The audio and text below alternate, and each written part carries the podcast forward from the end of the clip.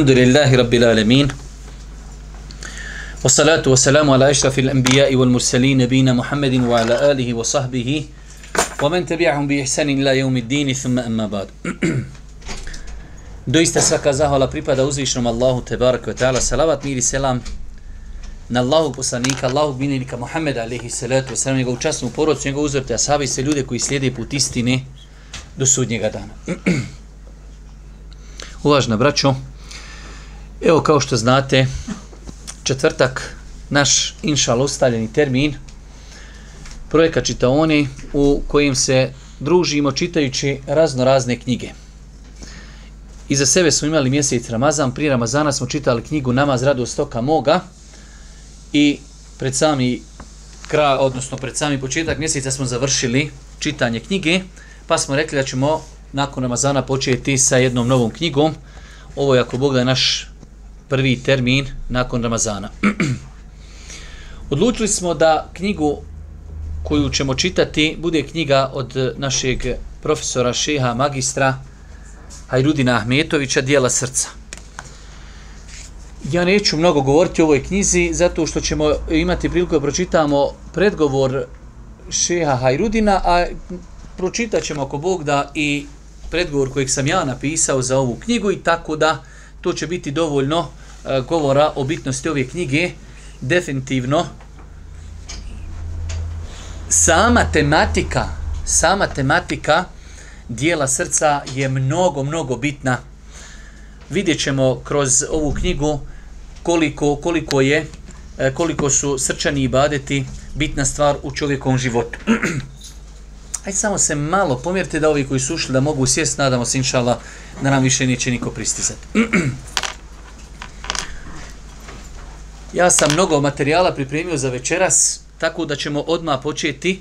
E, sjećam se jedne prilike, dok smo bili na fakultetu, jedan naš profesor nam je rekao jednu stvar koja je po meni korisna, a to je, kaže, kada god imate neku novu knjigu, a ne imate vremena da čitate tu knjigu, ako ništa pročitajte, kaže, predgovor autora, i pročitajte sadržaj. Pa ćemo mi u tom kontekstu pročitati predgovor autora kratko i eto moj ćemo predgovor pročitati i nakon toga počinjemo čitati knjigu. E, čitaj nam ovdje, dijela srca. Dijela srca, srčani i badeti imaju veliku važnost u životu vjernika kao što imaju i veliku vrijednost u vjeri islamu. Vidite, znači dvije veoma bitne stvari. Kaže nam profesor Hajrudin na početku dijela srca ili srčani ibadet imaju veliku važnost u životu, ali kao što imaju bitnost u životu, isto tako imaju veliku bitnost u islamu. Pa je islam znači dao veliku, veliku važnost dijelima koja se vezuju za srce. A to se opet sve manifestuje u našem svakodnevnom životu. Dalje. Općenito, dijela srca mnogo su važnija od dijela udova. Zatim, govor o dijelima srca vezan je za posebno častan organ, a to je srce, koje je vladar i rukovodilac ostalih ljudskih organa. Pošto se znanje vrednuje upravo po onome o čemu i govori, tako je ovo znanje od izuzetne važnosti jer govori o najvažnijem ljudskom organu. Ovdje tri rečenice, svaka rečenica je zlata vrijedna i mnogo bitna. Prva rečenica kaže općenito, dijela srca su mnogo važnija od dijela udova mi dosta puta, malo ćemo vidjeti poslije kada čitam, budemo čitali moj predgovor za ovu knjigu, dosta puta mnogo više pažnje posvećujemo vanštini. Kako našoj vanštini, tako i vanštini ljudi. Shodno tome ljude i kvalificiramo, a pogledajte ove konstatacije. Općenito, dijela srca su mnogo važnije od dijela udova. Pa je stoga, ako su dijela srca mnogo bitnija, Shodno tome je potrebno i mnogo više pažnje posvećivati srcu i badetima srca, odnosno vidjet ćemo i bolesti srca. Mi kao što imamo i badete srca, imamo i bolesti srca od kojih se moramo čuvati. Gdje je zavist? Ti možeš doći kod čovjeka, brata, Jesse, brate, Allah, ekver, kupio si novo auto, a srce ti gori od zavisti što on kupio novo auto. Gdje je problem? Problem je u srcu. Mržnja, srđba, zavist i mnoge druge stvari, bolesti srca, samo samodopadljivost, umišljenost, sve to u srcu. Pa je znači mnogo bitno da znamo ovaj postulat ibadeti srca su na većim stepenu islamu od ibadeta naših ekstremiteta. Druga stvar, kaže se u ovoj drugoj čenci, govoriti o dijelima srca, e, zatim govor o dijelima srca vezani za, poseban, eh, za posebno častan organ, a to je srce. Da bi govorili o ibadetima srca, moramo govoriti o srcu. A srce, kao što je došlo u vjerodostojnom Adisu, kaže Allah poslanik, u ljudskom tijelu ima jedan organ, ako on valja, valja sve ostalo. Ne velja on, ne velja ništa. Pa govoriti o ibadetima srca znači govoriti o najbitnijem ljudskom organu u ljudskom tijelu. I treća konstatacija, pošto se kaže znanje vrednuje upravo po onome u čemu i govori, tako i ovo znanje od izuzetne važnosti. Vidite, imate znanje medicine. Medicina vrijedi onoliko koliko vrijedi ono što se izučava. Ali kada govorite o Allahu, to je najvrijednije znanje. Kada govorite o srcu, to je najvrijedniji organ u ljudskom tijelu, samim tim znanje o srcu, i badeti srca, bolesti srca, to su znači i te kako bitne teme jer se vezuju za najbitniji čovjekov organ u organizmu e, u tijelu. Ja ću vam nakon toga rezimirati šta nam je Šeha Irudin ovdje govorio. U svakom slučaju govorio o tome kako i na koji način će pisati ovu knjigu. E, da je koristio mnoga savremena dijela da je se vraćao dosta na literaturu Ibn al-Qayyima i Ibnu Taymiye rahmetullahi alihi. Svakako kad su u pitanju hadisi e, autor nam je obećao da će se vraćati na ocjene šeha Albanija a ako mogne e, znači naći i neke druge ocjene e, islamskih učenjaka on će to i činiti. Nakon toga kaže u ovom dijelu U ovom dijelu obradio sam 15 spomenitih moralnih osobina i šest opakih bolesti, prezernih osobina od kojih bi vjernik trebao biti najudaljeniji. Prilikom obrađivanja svih tih tema nastojao sam se držati sljedećeg redoslijeda. Uvod koji sadrži kratko upoznavanje sa određenom osobinom, zatim značenje, to jest jezičko i terminološke osobine, spomen te osobine u Kur'anu, sunetu i riječima ispravnih prethodnika, kako kod sebe izgraditi dotičnu osobinu ako je riječ o pozitivnoj ili kako je odstraniti od sebe i liječiti se od nje ukoliko je riječ o negativnoj osobini, zatim pokazatelji dotične osobine, koristi i vrijednosti te odlike spomenute osobine. Znači, Ajrudin šeh je inače poznat da kada nešto piše, onda piše temeljito, detaljno i drži se, ajde da kažemo, nekog e, pravca ili drži se jednostavno metode koju sam sebi zacrta. Tako da ova knjiga, njena jedna korist jeste kada uzmijete čitati o jednoj stvari, to što tu pročitate više nemate potrebe čitati na drugom mjestu. Pa znači vidjet ćete uvijek se govori uh, o značenju tog eh, dijela srčanog, kako Kur'an to tretira, kako sur, uh, sunnet to tretira, pokazatelji tog plementog svojstva, pokazatelji bolesti, kako se liječiti i koristi svega toga. Jednostavno, znači, svaku stvar koju budemo tretirali, ona je obrađena sa više nekih aspekata, a to je nama više nego potrebno, tako da e, vrijednost knjige jeste u tome što sve ove stvari koje obrađuje, zaista obrađuje ih e, profesionalno, školski, znači bez ikakvih nekih, hajde da kažemo, prijestupa. Mi ovdje imamo e, predgovor od Čeha Safeta, nećemo čitati od Hafiza Amira Smajića, e, često nemamo vremena, e, ja iz određenog samo razloga sam odlučio na stranici 17 da pročitamo ono što sam ja napisao za, e, kao predgovor. Mislim da je to druga štampa, ali nema veze, to je to. Vrijeme u kojem živimo prepuno je devijantnih pojava i ubjeđenja, a jedna od devijantnih pojava u našem društvu jeste i ta da su ljudi u pogledu ljudske vanštine otišli u jednu od dvije krajnosti, a veoma je malo oni koji su u pogledu toga zauzeli središnji ispravan stav. Dosta. Znači ja sam pokušao kad sam pisao uh, predgovor za ovu knjigu da spominim koliko je bitna ova knjiga. Vi ćete danas ako pogledate ljude muslimane generalno, vidjet ćete da su znači u pogledu naše vanštine i dijela srca otišli u jednu dvije krajnosti. Malo je ljudi koji su to ispravno shvatili. Imate onaj naš, nazovimo ga standardni bošnjački stav, bitno mi je, dobro mi je srce ostalo, ne klanjam, ne postim, kradem, kamata, alkohol, birtija, sve, ali srce mi je čisto netačna konstatacija, ali je to jedan i te kako rasprostranjen stav u našem društvu. Bitno mi je srce, a nije da mu je kamo sreće da mu je bitno srce. Jer ispravno srce mora ostaviti tragove vidne na čovjeku u vanštini. ali je to neispravna vizija. čovjeka, je meni je bitno, šta mi je u srcu ostalo mi, nije bitno. Imamo drugu, drugu, hajde da kažemo opet, krajnost, a to je samo vanština. Vidiš čovjeka i imaš, ono, znate, kad, kad nešto trebate, onaj, kvačkice one stavi da nešto onaj da nešto instaliraš pa kaj moraš ha e vidim čovjeka tu brada tu nogavice tu nikab misvak amin. I Allah mu'min potpunog imana dženetlija nema dalje. I to je neispravno. Sredina je ispravna sredina je ispravna i to je ovo ova knjiga to liječi. I čak i Šeha Rudin će govoriti o tome na više mjesta.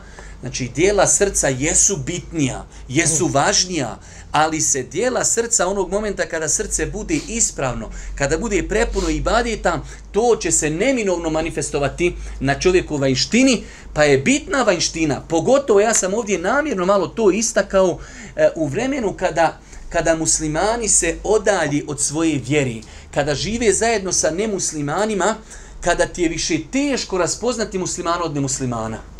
Evo, nećemo sad, zaista vi znate kroz moja predavanja da ja nikad ljude ne vrednujem ima li neko bradu ili nema. Ali, zašto neko mene dole na ulici, ne sa što sam ja poznat, djeca me vide na ulici dole, vide bijelu kapu, čovjek nosi ima bradu, 100% musliman. Esselam alaikum efendi, alaikum selam. Ali naiđe neko drugi, ono mu ne naziva selam. Ne zna, ne može ga poznat. Kada vidi ženu pokrivenu, selam alaikum. Druga iza nje ide muslimanka, nema hijjaba, hajde joj nazovi sela, ne znaš ko je i šta je. Pa je u vremenima, kad se muslimani odalje odvjeri, veoma bitno da se i vanjštini posvijeti pažnja. Veoma bitno. I zato ćete vidjeti ovdje, možda sad ne znam tačno historijski, ono kad je bilo skidanje nikaba, pa fesovi, ne fesovi, ulema se žestoko razilaš da smije musliman šešir nositi. Jer je tada šešir bilo obilježe nevjernika. Velike su se debate nosi, vodile kod uleme smiješ li odat bez fesa na polju. Jer je fes bio pokazatelj kad te vidim da si musliman, vidim te u šeširu kod John V, brate, nema tu, ja nemam šta, nisi musliman. Dobro, može Clint Eastwood, neko drugi, nema veze sad, ti stari glumci, ne znam ja, ovi novi ljudi, nemojte se zezat. Tako da, ulema je vazda toj vanštini bez obzira, posvećivala mnogo pažnji. Ne smije ona biti ključni faktor, ali pogotovo kada dođe znači, do tog, hajde da kažemo, e, miješanja muslimana sa nemuslimanima, men te šebehe bi haumin fahuva minhum, Allah poslani kaže, ko ponaš jedan narod pripata njima, onog momenta kada čovjek počne slabiti svojom vanjštinom, vjerujte, ne priča šta hoće, oslab moji srce. Pa je veoma bitno, ja sam pokušao ovdje e, u ovom, zato sam i da ovaj e, uvod pročitamo, ali eto ja sam vam ga rezimirao, e, ja sam vam ga rezimirao, e, znači e, ova knjiga nas upućuje na sredinu. Da srčanim i baditima posjetimo mnogo pažnji, oni su generalno gledajući bitni od vanjštine, ali vanjština ima svoju bitnost. Pogotovo u vremenu i prostoru gdje mi živimo. Veoma je bitno da muslimani se drži svoje vanštine. Neće je isforsirati, da će ona biti jedini pokazatelj, ali je veoma bitno da drži do svoje vanštine. E, knjiga Dijela srca, o, evo ovdje je knjiga Djela srca. Knjiga Djela srca autora svima nama dobro poznatog Vajza, našeg uvaženog brata i profesora Hajrudina Ahmetovića, Allah ga sačuvao svakog zla i podoare mu dobro na oba svijeta. Dolazi u pravo vrijeme kao odgovor spomenutim devijantnim ubjeđenjima prema kojima je ljudska vanština najbitnija u čovjekovom životu, a u isto vrijeme ova predivna knjiga odgovara i onima koji smatraju da je najbitnije ono što je u ljudskom srcu i da to ne ostavlja nikakvog traga na čovjeka i njegovo ponašanje. Znači, ja sam u ovoj uvodnoj riječi želio i smatram da je to najveća vrijednost ove knjige. Prvo, koliko je meni poznato, niko na bosanskom jeziku nije napisao zasebnu dijelo, knjigu koja govori o dijelima srca. Pa je to bitnost ove knjige da ja ne znam da postoji neka druga knjiga koja tretira ovu temu. S druge, s, e, tre, druga stvar jeste da zaista znači je to e, napisano profesionalno, potpuno, savršeno, hem što tretira bitnu tematiku, a napisano je, znači, ajde da kažemo, s naučnog aspekta i te kako dobro. Odgovara na dvije veoma bitno, eh, ajde da kažemo, nećemo reći skupine, ali dva pogrešna ubjeđenja koja su i tekako rasprostranjene u našem društvu. Na ubjeđenje da je sve u vanjštini, nije tačno i na ubjeđenje bitno je da imam čisto srce, a ništa mi se neće manifestovati e, na, mojim, na mojim postupcima. Tako da e, ova knjiga doista, doista ima veliku va važnost. Ja lično smatram e, da, da bi ova knjiga trebala da bude obavezno štivo svakog muslimana koji razumije naš bosanski jezik. Jedna od najbitnijih knjiga, jer vidjet ćete, e, ja sam čak o tome govorio u ovom uvodu, gdje je glavna razlika između, evo, Allah Žešanu kaže za licemire, innal munafiqine fi darkil esveli minen nar. Doista će licemiri biti u najdubljim eh, dubinama džehennema na sudnjem danu, kažnjavani. Kako mi možemo licemira popoznati? Licemir može biti za vrijeme Božih poslanika, sahabi nisu znali ko je bio licemir. Licemiri vanjštinom izgledaju ko muslimani. Ali je gdje razlika? U srcu, u srčanim ibadetima. Pa je mnogo, mnogo bitno da se posvijeti pažnji ovim pitanjima srčanih ibadeta. Zato kažem, ova knjiga pomeni jedna od temeljnih knjiga koja bi trebala se nađi na policama naših kuća i da se među prvim knjigama čita među prvim knjigama, znači znam šta govorim, nakon što čovjek pročita nešto uh, iz Akide, znači jedna od ključnih knjiga koju čovjek treba da ima u svojoj knjižici jeste ova knjiga. Uh, nakon toga prelazimo, imamo i uvode od šeha Enese Ularđije, u svakom slučaju uvod. Uvod od uh, šeha Hajrudina. Naš govor u uvodu, naš ko je ovdje? Naš, e, tu da, naš, to da pošli. U uvodnoj riječi o dijelima srca, srčanim badetima, bit će pojašnjenje sljedeće tačke.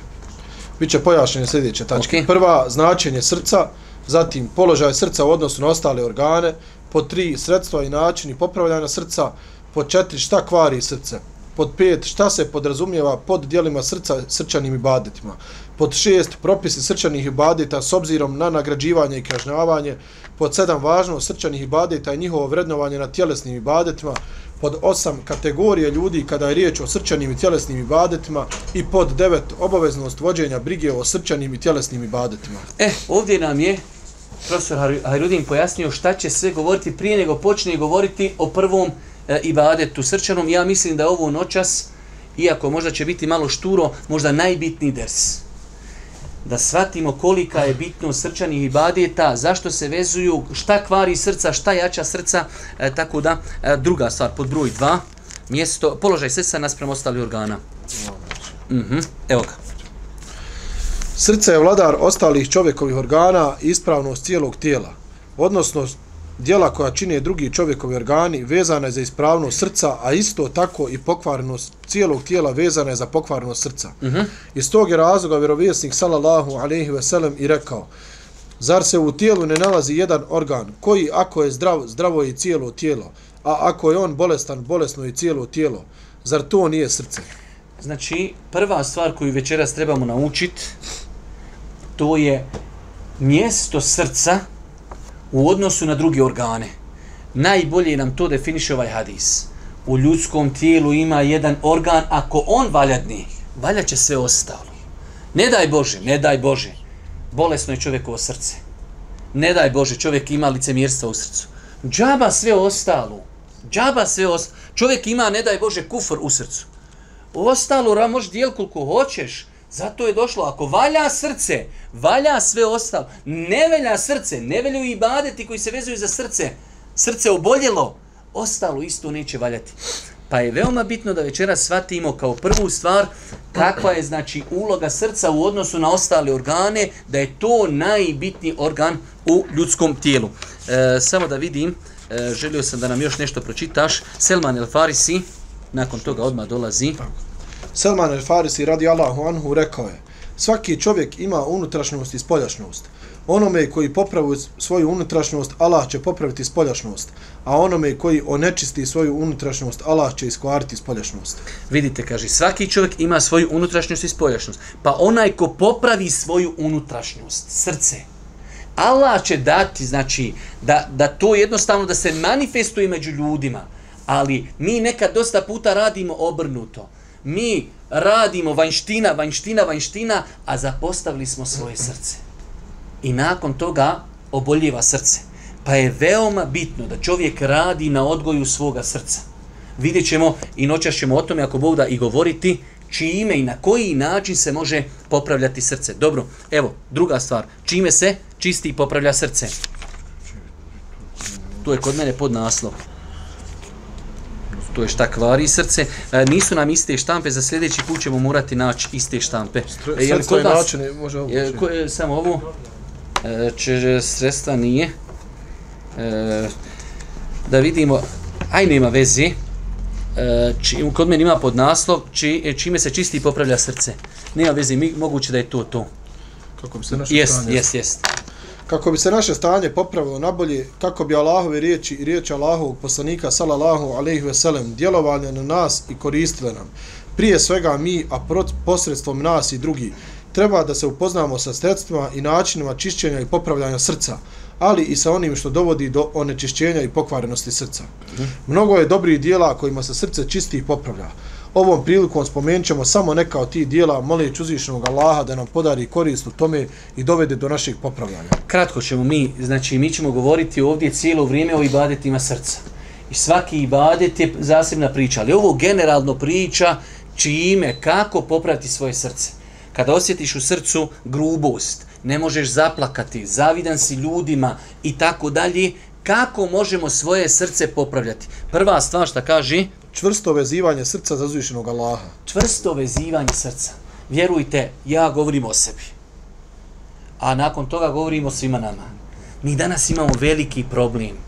Danas je materija toliko preplavila čovječanstvo mi smo odrasli, mi, a vi ste još mlađi od nas, u tom periodu komunizma, gdje se klica imana pokušavala ubiti u čovjeku. Pa se čovjek vezuje za hamailiju, vezuje se za zapise, vezuje se za horoskope, vezuje se za prijatelje, za poznanike, vezuje se... Malo je, teško je naći čovjeka, ono da vidiš on kad govori iz njega da izbija ubjeđenje, oslonac na Allaha. Ja se sjećam, ne kažem sad, neću govoriti da je to apsolutno ispravno, ali kako nekad vidite dole ljudi, primjer radi Arapi, kad vidiš nekad kako iz njih izbija taj oslonac na Allah. Kaže nekad ono šta ja znam, kad su tek počeli oni ratovi dole, kad su tek avioni izmišljeni, pa došli nekom beduinu, čovjek čuva deve, ali on, on je rođen u imanu, pa kažu njemu, ti sad neki neprijatelji naši, oni imaju neke avione, neke željezne tice, gore letaju, bacaju, pobiše sve živo. Kao on dobro veli, jesu oni iznad Allaha ili Allah iznad njih? Ma veli, jok, ve Allah iznad njih, pa da, veli, što se ljudi onda sekiramo. Vidi kako taj beduin koji deve čuva jednostavno on to shvatio. Veli, su on toliko veliko da su ošli dalo iznad Allaha, pa kao ima, jok, tu su bli. Ma veli, nemoj se ljudi ba sekirati onda vidi, a to je ima, to je snaga. Halo, okej. To je znači vezivanje srca za uzvišenog Allaha Đelešanu. I u dobru, i u zlu, čovjek se oslanja na Allah. I ovo je svima nama ispita. Govorit ćemo poslije kompletno jedno predavanje tevekul, oslanac na Allaha. Koliko se mi vezujemo za Allaha? Koliko se mi vezujemo za sebe? Ja naučio, ja znam, ja spreman, ja znam popravit, ja znam napravit, ja znam prodat, ja znam pazarit, ja znam programirat, ja, sve sam ja. Nema tu uz Allahovu pomoć. Ako Allah dozvoli, oslanjam se na Allaha, inšala bit će. Ma jok, inšala, idemo. Znači, vezivanje srca za uzvišnog Allaha opet vezivati srce za Allaha kako? Spoznaju Allaha Đelešanu. Spoznaju veličine Allaha Đelešanu. Pa je to prvi moment kako, kako liješiti srce. Broj dva. Stalna borba sa samim sobom. Stalna borba sa samim sobom. Vidite, evo ja dosta puta volim navesti primjer, evo, mobitel. Non stop gledaš koliko mu je baterija i gel fali odma punjač, brate, gdje ću biti pol sata da nisam na mreži to ti je, sad kad bio pol sata nisi dostupan, lakše ti je i srčani prebrot nego tu. Da li se mi tako borimo sa svojim imanom? Sa svojim stanjem? Sa svojim halovima? Napredujem li? Kasnim li? Pa znači neprestana borba, el muđaheda. Da čovjek ne, ljudi ovaj naš život, znači to je, to je sparing do, do smrti Ti si u ringu. Non stop šetan udara. Non stop. Samo jedan moment zažmiri. Vjerujte, ne bi da vam sad govorim da, da nam kvarim ambijent. Dođe čovjek, kaže, 20 godina klanjam. Postim, propisaj. Ma vidio neku sestru, odnio je humanitarnu pomoć, tup broj telefona, zglajzo, brate. Jedan kroše šetan ga odmah izvalio. Nakaut. Znači, samo jedan moment nepažnji. Znači, nema ovdje da u leru, nikako. Ugašeno nikako. Moraš se neprestano boriti. I onog momenta kad insan, kad popusti, kad ne vodi evidenciju o svom stanju, znajte da je izgubio. Nema. Zato je bilo učenjaka, kaže, smrtne muke mu nastupile. I čuje hadis, kaj poneste mi, kaže, olovku, pero da zapišem. Oma koji čovječe, umireš. Kaže, mal mahbarati ila maqbarat. Sa olovkom do kabura. Do kabura borba. Kad te spusti tada, brate, spavat ćeš, imat ćeš kad spavat, da da struhneš koliko ćeš spavat. Do tada nema, nema izlaska iz ringa. Odgoj, samo odgoj, ibadet, šetan, vesvese, non stop borba. Broj tri. Mnogobrojno prisjećanje na smrt i posjećivanje mezarja. E, samo ovdje ako možeš... e, Početka. e, Ne, ne, ne, na kraju ovdje. kaj, Tako da ukoliko želiš da izgradiš, to moglo biti ovdje negdje. Evo ovdje, ukoliko želiš... Ukoliko želiš da izgradiš svoju islamsku ličnost, treba ponajprije da se posvetiš svome srcu, da ga čuvaš, pa će ono i tebe čuvati.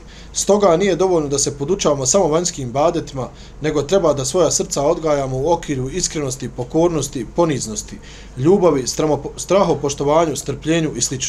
Ukoliko izostanu ovi srčani badeti, njihov će nedostatak doći do izražaja prije ili kasnije, pa makar vanjski badeti i bili ispravni. E, ovo je, braćo moja, ključ.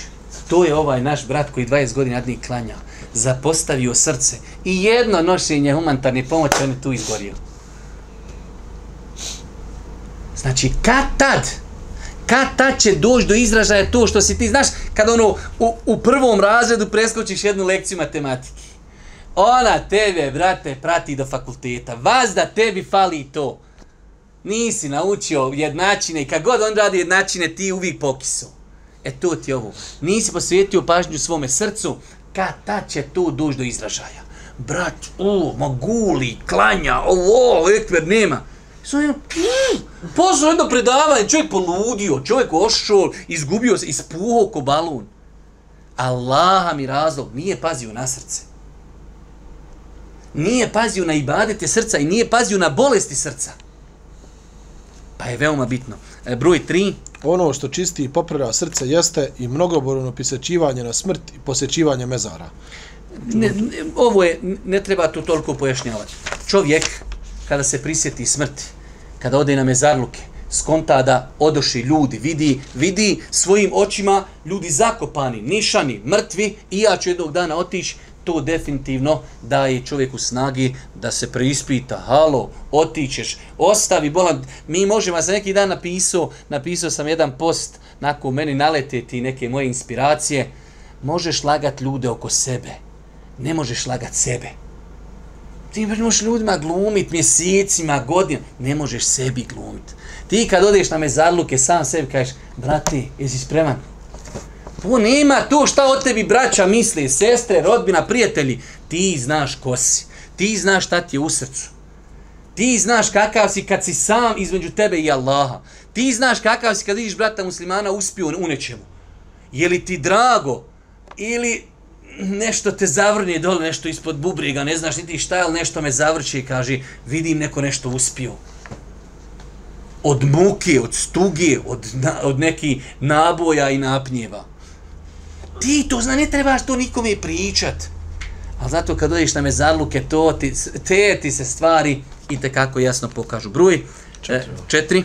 Ono što srce održava budnim i živim jeste i druženje s dobrim ljudima, dobrim vjernicima, oni koji se često sjećaju uzvišnog Allaha i koji nas kada ih pogledamo podsjeti na uzvišnog Allaha. Hajde, citira nam ovaj hadis, iako ših rekao dole u fusnoti da je on daif. Bilježi. Jest, vidiš ima Mahmed. Imam Ahmed bilježi od Abdurrahmana ibn Ganma radi Allahu anhu da je Allahu poslanik sallallahu alaihi ve sellem rekao najodabrani Allahovi robovi jesu oni koji kada budu viđeni podsjećaju na Allaho, a najlošiji Allahovi robovi jesu oni koji se kreću putem nemimeta, to je prenošenja tuđih riječi, oni koji razdvajaju osobe koje se međusobno vole i oni koji čedne i čestite potvaraju za blud. Hadis ova inače še nam kaže dole u fusnoti da je da ima svoju slabost, ali njegov znači inšala kaže ispravno. Kaže najodabraniji Allahovi robovi su oni koji kada budu viđeni posjećaju na Allaha. To je insan, znači takvi treba tražiti. Ima vidiš čovjeka, prvo što nam padne kazino, nam padne ti futbal, nam padne ti trgovina, sve živo. A Hireta nima tamo nakon 63. tački. Pa su najbolji ljudi, vidiš ga, odmah počneš zikriti, stakfirullah, stakfirullah, stakfirullah. Odmah oboriš pogled. E to su takvi ljudi, čovjek da sebi u današnje vrijeme, vjerujte koliko je se naše braće izgubilo zbog lošeg društva. Ne mislimo mi ovdje ono loše društvo, loše društvo, loše društvo s pijanima. Nećemo, sad neće niko od nas otići s pijancama. Ali ćeš otići sa ljudima koji, koji imaju u glavi svakakvi razno razni fiks ideja. I to je opasno. Pa čovjek treba paziti s kime se druži. Allah nekad, e, to je čak fenomen. Vjerujte da je fenomen. Ja neću o tome puno govoriti. Imate ljudi sjedi kod jednog lupam šija Safeta, pet godina dersove i posluša samo jedno predavanje od nekog anonimusa Ebu Šaraf. Sve zaboraviš da je za tri godine učio i ode i od sutra ne velja Safet, ne velja niko. Pa viš koliko je to nestabilan insan. Jedan Ebu Šaraf anonimni njemu preko interneta, možda čovjek iz cije čoveče, snimio mu ders i ništa, sve od danas ne velja. Zato pazi, ali na stotu, pazi s kime se družiš. Vidiš viruse, vidiš bolesti, delete, blok, ne vidim te, ne čujem te, ne znam te. Čuvaj sebe, čuvaj svoj iman. Dobro, dalje. Ništa je samo, broj pet. Mnogobrojna djela održavaju srce živim i budnim. Kao što kaže Ibn Abbas radi Allahu anhuma, u istinu svako dobro djelo doprinosi pojavi svjetlosti i u srcu i na licu, snazi u tijelu, povećanju obskrbe i pojavi ljubavi u srcima drugih stvorenja. Znači mnoštvo dobrih dijela. Kako jačati svoje srce? Mnoštvom dobrih dijela. Što više dobrih dijela. Bilo koje je dobro dijelo. Ali da čovjek, Allah je kaže u, suri, u, u Kur'anu, fa iza faragte, šta? Felsab. Šeju Sejmin kad govori u komentaru ovog ajta kaže završiš jedan ibadet u drugi ibadet. Da tvoj život bude uvijek iz ibadeta u ibadet. Bio na dersu, ode namaz u džematu, ode ovdje, ode pročitati nešto, ode, posle, ode rođaku, ode prijatelju i tako. Da čovjekov život bude neprestano dobra djela. Svakako, uh, pojam dobrih dijela je mnogo širi nego što mi dosta puta mislimo. Nije samo dobro dijelo da čovjek klanja, već mnogo širi, ali da čovjek znači gleda njegovo srce se sigurno ojačati mnoštvom činjenja dobrih dijela. Broj šest. Zikr. To je spominjanje uzvišnog Allaha i učenje Kur'ana, dijela su koja hrane srce. Kako je to rekao Suleiman el Havaz, rahimehullahu ta'ala, zikr je za srce ono što je hrana tijelu. Pa kao što tijelo ne osjeća sla strane kada je bolesno, isto tako i srce ne osjeća sla zikra kada oboli od žudnje za dunjalukom. Allahu stan, nema šta govoriti o zikru, znači čovjek se, onaj, zaista je danas rijetko naći čovjeka da vidite da je vezan za zikr. Pazite, e, o zikru se može govoriti kroz razno razne prizme, ali zikr, e, znači e, ispravan zikr, zikr po sunnetu Božih poslanika, ali i salatu wasalam, koliko danas čovjek puta dnevno donese salavat na poslanika, to je apsolutno 100% propisano. Donesi danas salavat hiljadu puta. Allahumma salli ala Muhammedin, Allahumma salli ala Muhammedin wa ala ali Muhammed, Allahumma salli ala Muhammedin wa ala ali Muhammed. Istighfar. Zahval Allahu, veličanje Allaha, la haule wa la kuvete illa billah, veličanje, znači, odnosno, zikr, spominjanje Allaha, Đelšanu, definitivno, definitivno ostavlja velikog traga na ljudsko srce. Nakon što nam je autor spomenuo određeni određene stvari generalno gledajući, mi ćemo, e, znači kad budemo govorili o ovim svim ibadetima, opet ćemo govoriti kako ibadete postizati, ali generalno ovo je 5-6 načina kako jačati srca. Da vidimo, ovdje će biti samo kratko govora, poslije će e, profesor Hajrudin govoriti nam o bolestima srca, ali šta to kvari srca? Da vidimo šta kvari šta kvari srce. Djela koja kvare i onečišćavaju srce, uistinu je mnogo. Sva djela koja su u suprotnosti sa djelama koja održavaju budnim i živim srce, jesu djela koja negativno djeluju na srce i umrtljuju ga. Znači, imamo ovi šest ili sedam djela koja jačaju srce, čiste srce, samo obrnuto od toga. Samo uzmite obrnut od toga i to su vam djela koja, e, ajde kažemo, umrtljuju srce. Nastavi, vidjet ćemo. Na srce negativno djeluju i kvare ga, između ostalih sljedeća djela. Vezanje za nekog drugog mimo uzvišnog Allaha, spominjanje nekog drugog, a zaboravljanje neuzvišenog Allaha zapostavljanje borbe sa svojom dušom i ustrajavanje u grijesma prilikom kojih srce počinje da tamni sve do ga crnilo u potpunosti ne obavije. Oda, odavanje dunjaličkim užicima i slastima uz zaboravljanje smrti. Druženje s lošim ljudima, ljudima niskih i prezirnih ambicija. Zato, hm?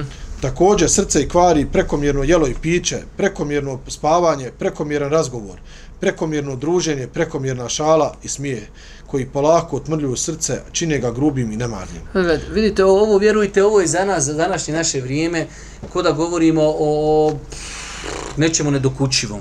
Kaže, prekomjerno jelo i piće, prekomjerno spavanje, prekomjeran razgovor, prekomjerno druženje, Allah, pa se mene svaka ova, ja, ja sam pod svim, znači sam jelo, piće, spavanje, razgovor, druženje, prekomjerna šala, smije, sve.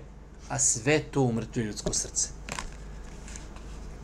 Ali mi smo toliko se odali od toga da mi to više ne osjetu. To je za nas, ovo su za nas postale normalne stvari.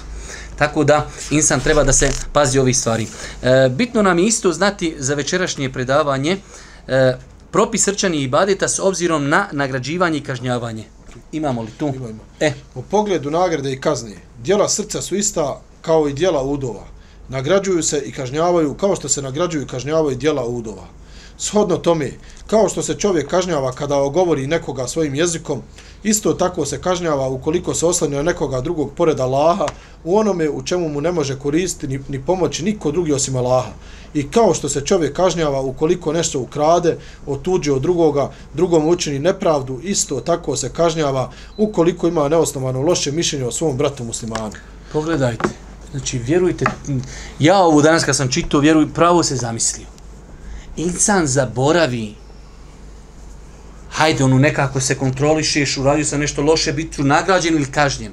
Ali da se, da se toliko preispitaš, da, da budeš svjestan da tvoj srčani ibadet, za njega ćeš biti nagrađen, odnosno srčana boli, da ćeš za nju biti kažnjen, imaš loše mišljenje o bratu muslimanu, to je grijeh bolan. Zato ćeš biti kažnjen vjerujte, znači, jaka konstatacija. Zato sam ovo ciljano odabrao, kao što ćemo biti nagrađivani za ibadete koji radimo vanštinom, svojim ekstremitetima, isto tako, ako ne i mnogo više, bit ćemo nagrađivani ili kažnjavani zbog srčanih ibadeta. Ovo je sad možda i, i najbitniji dio ovog večerašnjeg versa. Time ćemo, ako Bog da, gledati da to nešto važnost, važno srčanih ibadeta, I njihovo vrednovanje na tjelesnim ibadetima. Važnost ibadeta i po čemu se oni vrednuju na tjelesnim ibadetima. Ovo je noćas najbitni dio predavanja. Pod jedan, izostanak dijela srca može poništiti tjelesne ibadete. Izostanak dijela srca. Radiš nešto vanjštinom, ali nešto u srcu nije dobro, izostalo je nešto. To je ona jedinca koju ja dosta puta spominjem ti dodaješ nula, nula, nula, ali nema jedinci. Nula možeš dodati do, dole do carevi. Ali kad staviš jedincu, onda je deset, pa sto, pa hiljadu i tako dalje. Ali jedinca nam je potrebna. Pa nepostojanje određenih srčanih ibadita može poništiti određena velika djela. Primjer? Primjer zato jeste ihlas, to jest iskrenost. Ukoliko nestane iskrenosti u ljudskom srcu, čovjek može da zapadne u širk ili u veliko licemjerstvo, usred čega njegovo dijelo, ma kako bilo veliko ili dobro, postaje ništavno. Mm -hmm. Allah subhanahu wa ta'ala rekao je i mi ćemo pristupiti dijelima koje su učinili, pa ih u prah razasuti i pretvoriti. U hadisu kod Ciju uzvišeni Allah rekao, ja sam neovisan od toga da mi, neko, da mi se neko pridruži. Pa ko učini neko dijelo u kojem mi pridruži nekoga, ja ću ostaviti i njega i njegov širk. Kaže, ko učini neko dijelo, primjer radi, ne daj Bože, čovjek klanja namaz, klanja i da ga ljudi vidi, klanja ona da, i Allah klanja da ga ljudi vidi. Kaže, kaže se diskusiju, diskuciju, ko uradi dijelo u kojem tom dijelu je pripisao Allahu sudruga, ostavit ću, kaže, i njega i ta njegova dijela. Džaba čovjek radi. Koliko je bitno da čovjek pazi na srčani iba. Čovjek može, ne daj Bože, vi znate onaj hadis, prva trojica koji će biti bačeni u vatru.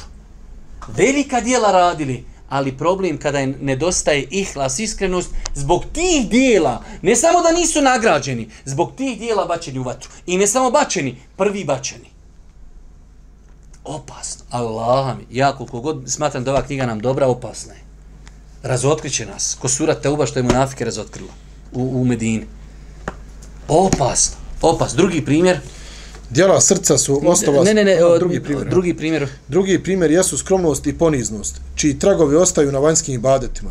Šta dovodi do zatiranja tih tragova i ovog dobrog dijela srca? Do toga dovodi drugo dijelo srca, ali pogrdno, to jest bolest, oholost i umišljenost. Također i zavist uništava dobra djela kao što vatra sagorjeva drva. Dakle, izostanak dijela srca može dovesti do uništenja tjelesnih ibadeta. Generalno pravilo, čovjek ako zapostavi dijela srca, može uzrokovati to, može, ali ne mora značiti uvijek, može uzrokovati uništavanje dijela koja je uradio svojim ekstremitetima. To je bio prvi pokazatelj koliko su dijela srca bitna da ako njih ne pazimo i ne daj Bože u datom momentu ako ne budu ispravna, mogu nam naša tjelesna dijela biti neispravna. Broj 2. Dijela srca su osnova spasa od vatre na sudnjem danu i ulaska u dženet. Uh -huh. Uzvičeni Allah rekao, na dan kada nikakvo blago, ani sinovi neće od koristi biti, samo će onaj koji Allahu srca čista dođe spašen biti. Znači, nema, kaže, neće se spasti niko osim onaj koji je došao čistog srca. Kako je to srce? Srce koje imalo čiste ibadete, ispravne ibadete, koje je bilo sačuvano od bolesti srca. Broj 3. Djela srca vode ka postizanju velikih stepena u dženetu. Mhm. -huh. Ebu Hurere radi Allahu anhu prenosi da je Allahu poslanik sallallahu alaihi ve sellem kazao Sedmoricu će Allah, Allah staviti u svoj hlad onog dana kada neće biti drugog hlada osim njegovog.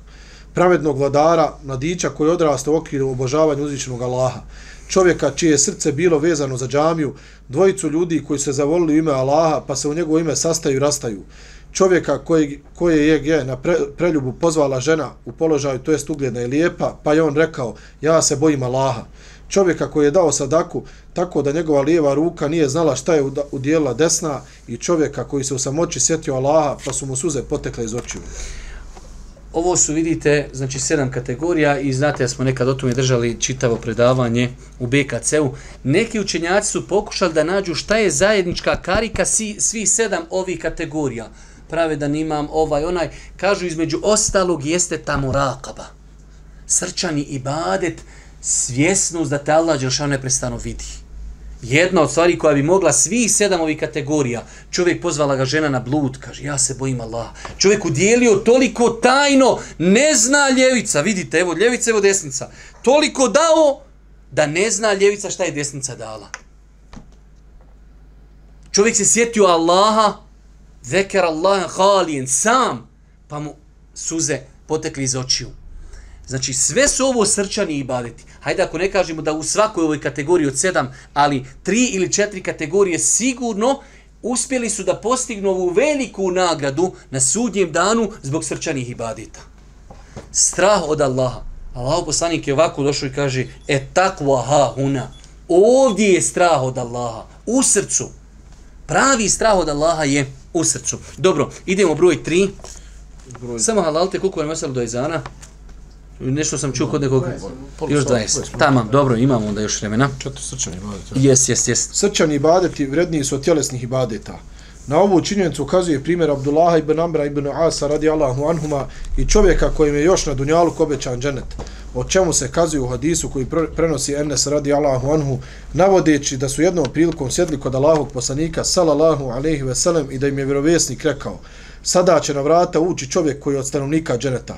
I tako je ponavljao tri dana. Abdullah ibn Amr ibn As radi Allahu anhuma pratio je tog čovjeka pa je na kraju ga upitao vidim da ne činiš mnogo dobrih dijela pa čime si postigao ono o čemu nas je vjerovjesnik sallallahu alaihi ve sellem obavijestio? Čovjek je odgovorio što se tiče dijela ja ne činim ništa više, više od onoga što si vidio izuzev što u svojim prsima ne osjećam zlobu ni prema jednom muslimanu niti zavidim jednom muslimanu na dobru kojemu je Allah podario. Abdullah ibn Amr ibn As radi Allahu anhu na to reče to je ono što te dovelo na taj položaj. Vidite subhanallah. Znači ovaj hadis toliko jasno slikava koliko je e, mjesto srčanih ibadeta u, u, u životu čovjeka. Dolazi čovjek tri dana i kaže Allah sad će, evo, sad će u čovjek dženetlija. Jedan dan isti čovjek. Sutra dan opet kaže, evo sad će, vam, sad će na vrata u čovjek dženetlija. Dva dana, tri, uvijek isti čovjek. Pa je ova, ja sad idem da vidim, jer oni, u njih je to bilo pravilo. Ako je on dženetlija, to su kod, tako je to jedan plus jedan mi bi rekli, idem da vidim šta radi, jer se dijelima džezaem bima kanu ja'melun. Allah Žešanu i za dženetlije i za džehennemlije kaže, nagradu su dobili kao plod onoga što su radili. Ne može biti dženetlija da nešto ne radi. Sad, da li je to vanjštinom ili srcem, ali radi. Mi bi da uđemo u dženet, sam kaže, umne srce, dobro i sjedi po cijeli dan u nargila baru, e, čadi. Kaže, srce mi dobro. Brate, ne može, srce dobro mora polučiti. Pa kaže Abdullah ibn Amr ibn El As, pa sam otišao, pa sam kod njega tri dana boravio. Kaže, brate, ništa, ti badetiš kojini. Što je tebe poslanik izuzeo? Što si ti dženetlja? Ima nešto. Kaj, to je ono što si vidio, to je to. Osim kaj jedna stvar. To je. Ja, kaže, kad legnem na veći spavat, mirne mi grudi. Nikome zavida nisam, nimam zlobe, to je ono što nam treba. Danas imate ljudi malo malo kaj pritisak mu skočio. Što mu je skočio pritisak? Pa ga, kom, komšija kupio auto čoveče. Pritisak, otkucaj, aritmija, zdrav kaže, ništa nema. Zavidan Allah te uputio. Čisti srce. Pa znači, pogledajte, Allahu poslanik mu obeća i džennet kaže, ja legnim spavat, ali u mojim grudima nema zavisti, nema mržnji.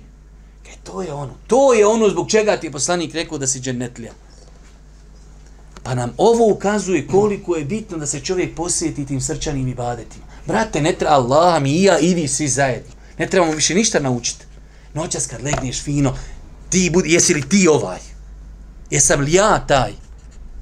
Je li meni krivo što taj moj prijatelj student je bolji od mene? Što moj prijatelj trgovac je bolji od mene? Što neki insan ljepši uči od mene? Što neki insan ima više djeci od mene? Što je neki insan ugledniji od mene i tako dalje? Ako ti to teško pada, znači imaš problem.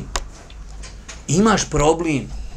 Ne moraš ti to sutra izaći napisati na Facebook, ljudi imam problem, ali rješaj, liječi. Rekao sam vam, možeš slagati ljude oko sebe, ne možeš slagati sebe. Ako konstatira sam bolestan, trebam se liječiti. Zato je bilo u Lemije koja kaže, kad je čovjek zavidan ljudima, on time, kaže, udara na Allahov kader.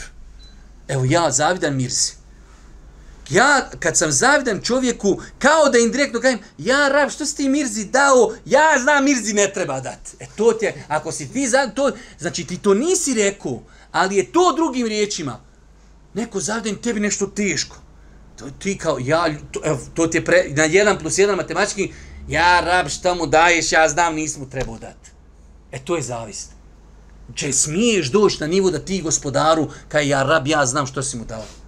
A to je zavist. Liječi se. Dao mu, elhamdul, fala Allahu, mašala. I završena stvar. Broj pet.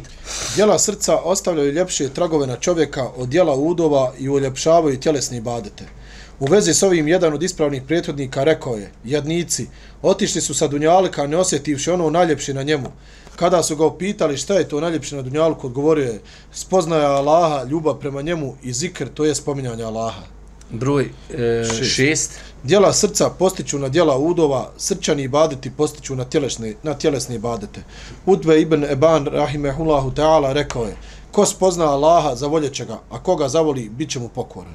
Znači, srčani ibadeti, oni postići na ibadeti tjelesni. Tjelesni ibadeti opet uzrokuju da čovjek čisti svoje srce. I sve je to uzajamno vezano. I ona, ona naša teorija non stop pada u vodu. Čovjek čisto srce, ali nema pokornost, nepokoran uzvišnom Allahu. Broj sedam. Srčani ibadeti uvećavaju nagradu predviđenu za tjelesne ibadete. Mm -hmm. Najbolji primjer za to jeste nijet. Jedan od Jedan je čovjek drage duše udjelio možda i zadnjih svojih stotinu konvertibilnih maraka milostinje, a drugi je nevoljno udjelio isti iznos iz svoga ogromnog imetka, a obojica će biti nagrađena shodno svome nijetu. Ibnul Mubarek, Ibnul Mubarek rahimehullahu ta'ala rekao je, ponekad nijet uveća malo djelo isto kao što nekad nijet umanji veliko djelo. Ovdje mogu šeh citirati onaj hadis da Allah poslani kaže u doslovnom hadisu sebeqa dirhemun mi'ete elf dirhem. Kaže, jedan dirhem je pretekao stotinu hiljada drugih dirhima. Kažu, kako Allah, pa jedan da pretekni, kako? Kad čovjek imao dva dirhema, dva, pa je dao dirhem sadaki, koliko je dao procentualno? 50%. A kaže, drugi je imao, kaže, gr, ogromnu hrpu, pa je došao, kaže, zagrabio, to što je zagrabio bilo stotinu hiljada, ali ostalo je mnogo viši, pa se kod Allaha uzvišnog shodno nije tu, ali isto tako količinski. Insan ako ima deset maraka i dadni Marku Sadaki, on je dao desetinu svog imetka. Njega milionir da bi stigao, koliko treba da dadi? Čovjek koji ima milion, da bi ga stigao, treba da dadi sto hiljada. Brate, on bi dobio sto hiljada srčani udara da dadi sto hiljada. Ovaj Ovo jednik ima deset maraka. Veli, inako, inako, one će na Pepsi otići na Sultan Kole, idem jednu dat, idem sadaki dat, ostalo ću devet potrošiti. On je dao na Allahom putu devetinu. Ovaj što ima milion, da bi ga stigao, mora da sto hiljada. On kad bi ograjsa, opet ne bi toliko dao. On bi dao 50, rekao bi, ograjsan, ja opet ima limit, ne mogu da sto, gdje ću da sto. A isto tako iskrenost ostavlja velikog traga koliko čovjek iskreno uradi određeno dobro djelo. Broj 8. Djela srca ponekad mogu nadomjestiti čovjeku nedostatak tjelesnih ibadeta. Djela srca, vidite sad ovu, Prvo vidjeli smo povećaju, sad mogu nadomjestiti. Nisi uradio dijelo, ali ga srčani i badit nadomjesti. A ne može tjelesni nadomjestiti ono što je u srcu. Nemoguće. Srčani može, ovo morate zapamtiti večeras, srčani i badet može nadomjestiti tjelesni. Tjelesni ne može nadomjestiti srčani. Ne može. Čovjek koji ne vjerni, čovjek licimir, mora podijeliti od ovda dole do iliđi zlata. Ništa, ne troši se. Ne, tro, ne prima se. Ali čovjek ako ima dobro srce, ima dobru namjeru, to može namiriti i nadomjestiti. Da čujemo primjere. Allahu poslanik sallallahu alejhi ve sellem rekao je: Ko od Allaha iskreno bude tražio šehadet, Allah će mu dati stepen šehida, pa makar umro i u svojoj postelji. Imamo više hadisa koji potvrđuju ovu teoriju. Allahu poslanik kaže u hadisku koji bilježi imam Buharija Iza merida l'abdu au safera kutibe lehu ma kane jamelu muqimen sahiha. Kad se čovjek razboli i kad otputuje bude mu upisan ono što radi kad nije bio put i kad nije bio bolestan. Zato je pozdravi poslanik kad je išao na tebu pa kaže svojima sahabima ima, kaže u Medini, ljudi, mi nismo prošli ni jednu dolinu, a da oni s nama nisu u nagradi. Sam, pa, da kako da i mi tam budemo da imamo nagradu? Habesehumul uzr, kaže, oni su iz opravdanog razloga ostali. Imali su želju, tijeli su, nisu mogli, ili bolest, ili nisu imali i tako dalje. Pa u islamu, znači čovjek, znate da Allah poslani kazao u vjerodostojnom hadisu, čovjek kad ima namjeru da udjeli, pa ne udjeli, spriječen, bit će mu upisan ko da je udjelio. Navodili smo primjer, ako si vidio nekog čovjeka, traži sadaku, nimaš. Ka idem u auto da donesem novčanik, pa ću mu dat. Ti dođeš, nema čovjek, otišu. Tebi je upisano. Allah mi to nema nigdje osim u islamu. Da ti se dijela upišo, ti nisi dijela uradio. Ali Allah zna apsolutno da si ti bio 100% iskren. Nije ono, pa ide, da, ode ja, pa ako ga nađem, nađem. Ne, ne, ja ode, ja izadio pare. Došao, nema ga. Gotovo, Melek je nju zapisao. Allah mi. Znači, koliko puta mi se desi nešto, insan hoće da nešto učestvuje okasnio. Brate, upisano je, okasnio se, ali upisan. Ako si iskreno bio odlučio, tebi je to upisano pa srčani ibadeti mogu uzrokovati. Pogledajte šta se kaže u Madisu. Ko bude iskreno tražio šehadet. Vi znate onaj što je otišao, on je poginuo ko šehid. Ali nešto mu bilo problem u srcu, pa pode prvi u džehennem. Ovo je poginuo na postelju. Kaže stepen šehida. Šta? On je tijelo da pogine ko šehid. Ali eto, umro je ko Hald ibn Velid. Hald ibn Velid, to je jedan čudan primjer historije. On kad su mu, kao što navodi se u njegovoj biografiji, kad su mu došle smrtne muke, on je umro na postelji. Kaže, ja umirem ko stara deva. A na mom tijelu, kaže, nema koliko je pedalj ili da nije kaj zasekla sablja ili da se nije zabio nož ili da me nije koplje pogodilo, sve je to izrešetano. Ja, kaže, sam išao tamo gdje se smrt traži. I uvijek bio prvi. I umirem kaj danas ko stara deva. Subhanallah. Znači, ne može ti doći smrt onog, zaratilo se, idem gore negdje da se spasim, ode u Švicarsku, ode u Švedsku. Ne možeš, povi, gore ćeš doći na semafor, će, kakav švavo će se napiti, pa će ti vučeš. Znači, ako ti bude propisano, ne možeš od kadera pobjeći. Halid ibn Velid je najveći primjer historije da te ti ne dođe eđel. Prvi i vojskovođa i kaže na svakom pedlju je se nešto zabolo. Ali Allah nije teo, hoće da umrim, kaže ovdje ko stara deva ali Allah zna njegovu namjeru i njegov nijet. I za kraj, i time ću inšala završiti večerašnje druženje, e, kategorije ljudi. Kategorije ljudi kada je riječ o srčanim i tjelesnim ibadetima i obaveznost vođenja računa o srčanim i tjelesnim ibadetima. Mm -hmm. Ibn Taymije, Ibn Qaim, rahmehullah, rahmehullah i alejhima spominju tri kategorije ljudi kada je riječ o dijelima udova i dijelima srca. Mm -hmm. Prva skupina koja se posvijeta dijelima srca njegovom popravljanju i nadzoru dok su dijela udova u potpunosti zapostavili. Pazite, ovo, ovo nije kategorija naša koju mi imamo u Bosni. Ovo su ljudi posvetili se srcu. Brinu mnogo o srcu, odgoj, duša, ali nemaju dijela. Ali oni posvetili se, mi imamo problem, mi nemamo dijela srca. Nismo se srcu posvetili. Kod nas je hrđa na srcu, to, to se ne može izmjeti, ne može se opisati.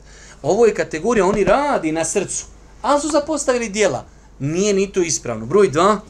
Skupina koja se posvijeta vanjskim ibadetima, ibadetima udova poput ibadeta posta, namaza i sličnog, dok ne vodi računa o popravljanju svojih srca, pa su se u njihovim srcima našli zavist, želja za vodstvom, tvrdoća i krutost, a moguće je da u njima ima veličanja određeni ljudi ili straha od njih i slično. Uh mhm, -huh. Dalje. Po tri, skupina koja vodi računa o dijelima srca, daje im njihovo pravo, kao što vodi računa o dijelima udova i daje im njihovo pravo, kakvi su bili vjerovjesnici, poslanici, alejhimu salatu wassalam. Ovo je kategorija ispravna i to je sredina. Da čovjek posvijeti pažnju srcu, ali isto tako i vanjštini. Niti može se posvetiti pažnje, pažnja vanjštini za postaviti srce, niti se posvetiti srcu za postaviti vanjštinu. Ovo dvoje kad se spoji, to je bio pravac, pravac poslanika. Za kraj, dakle...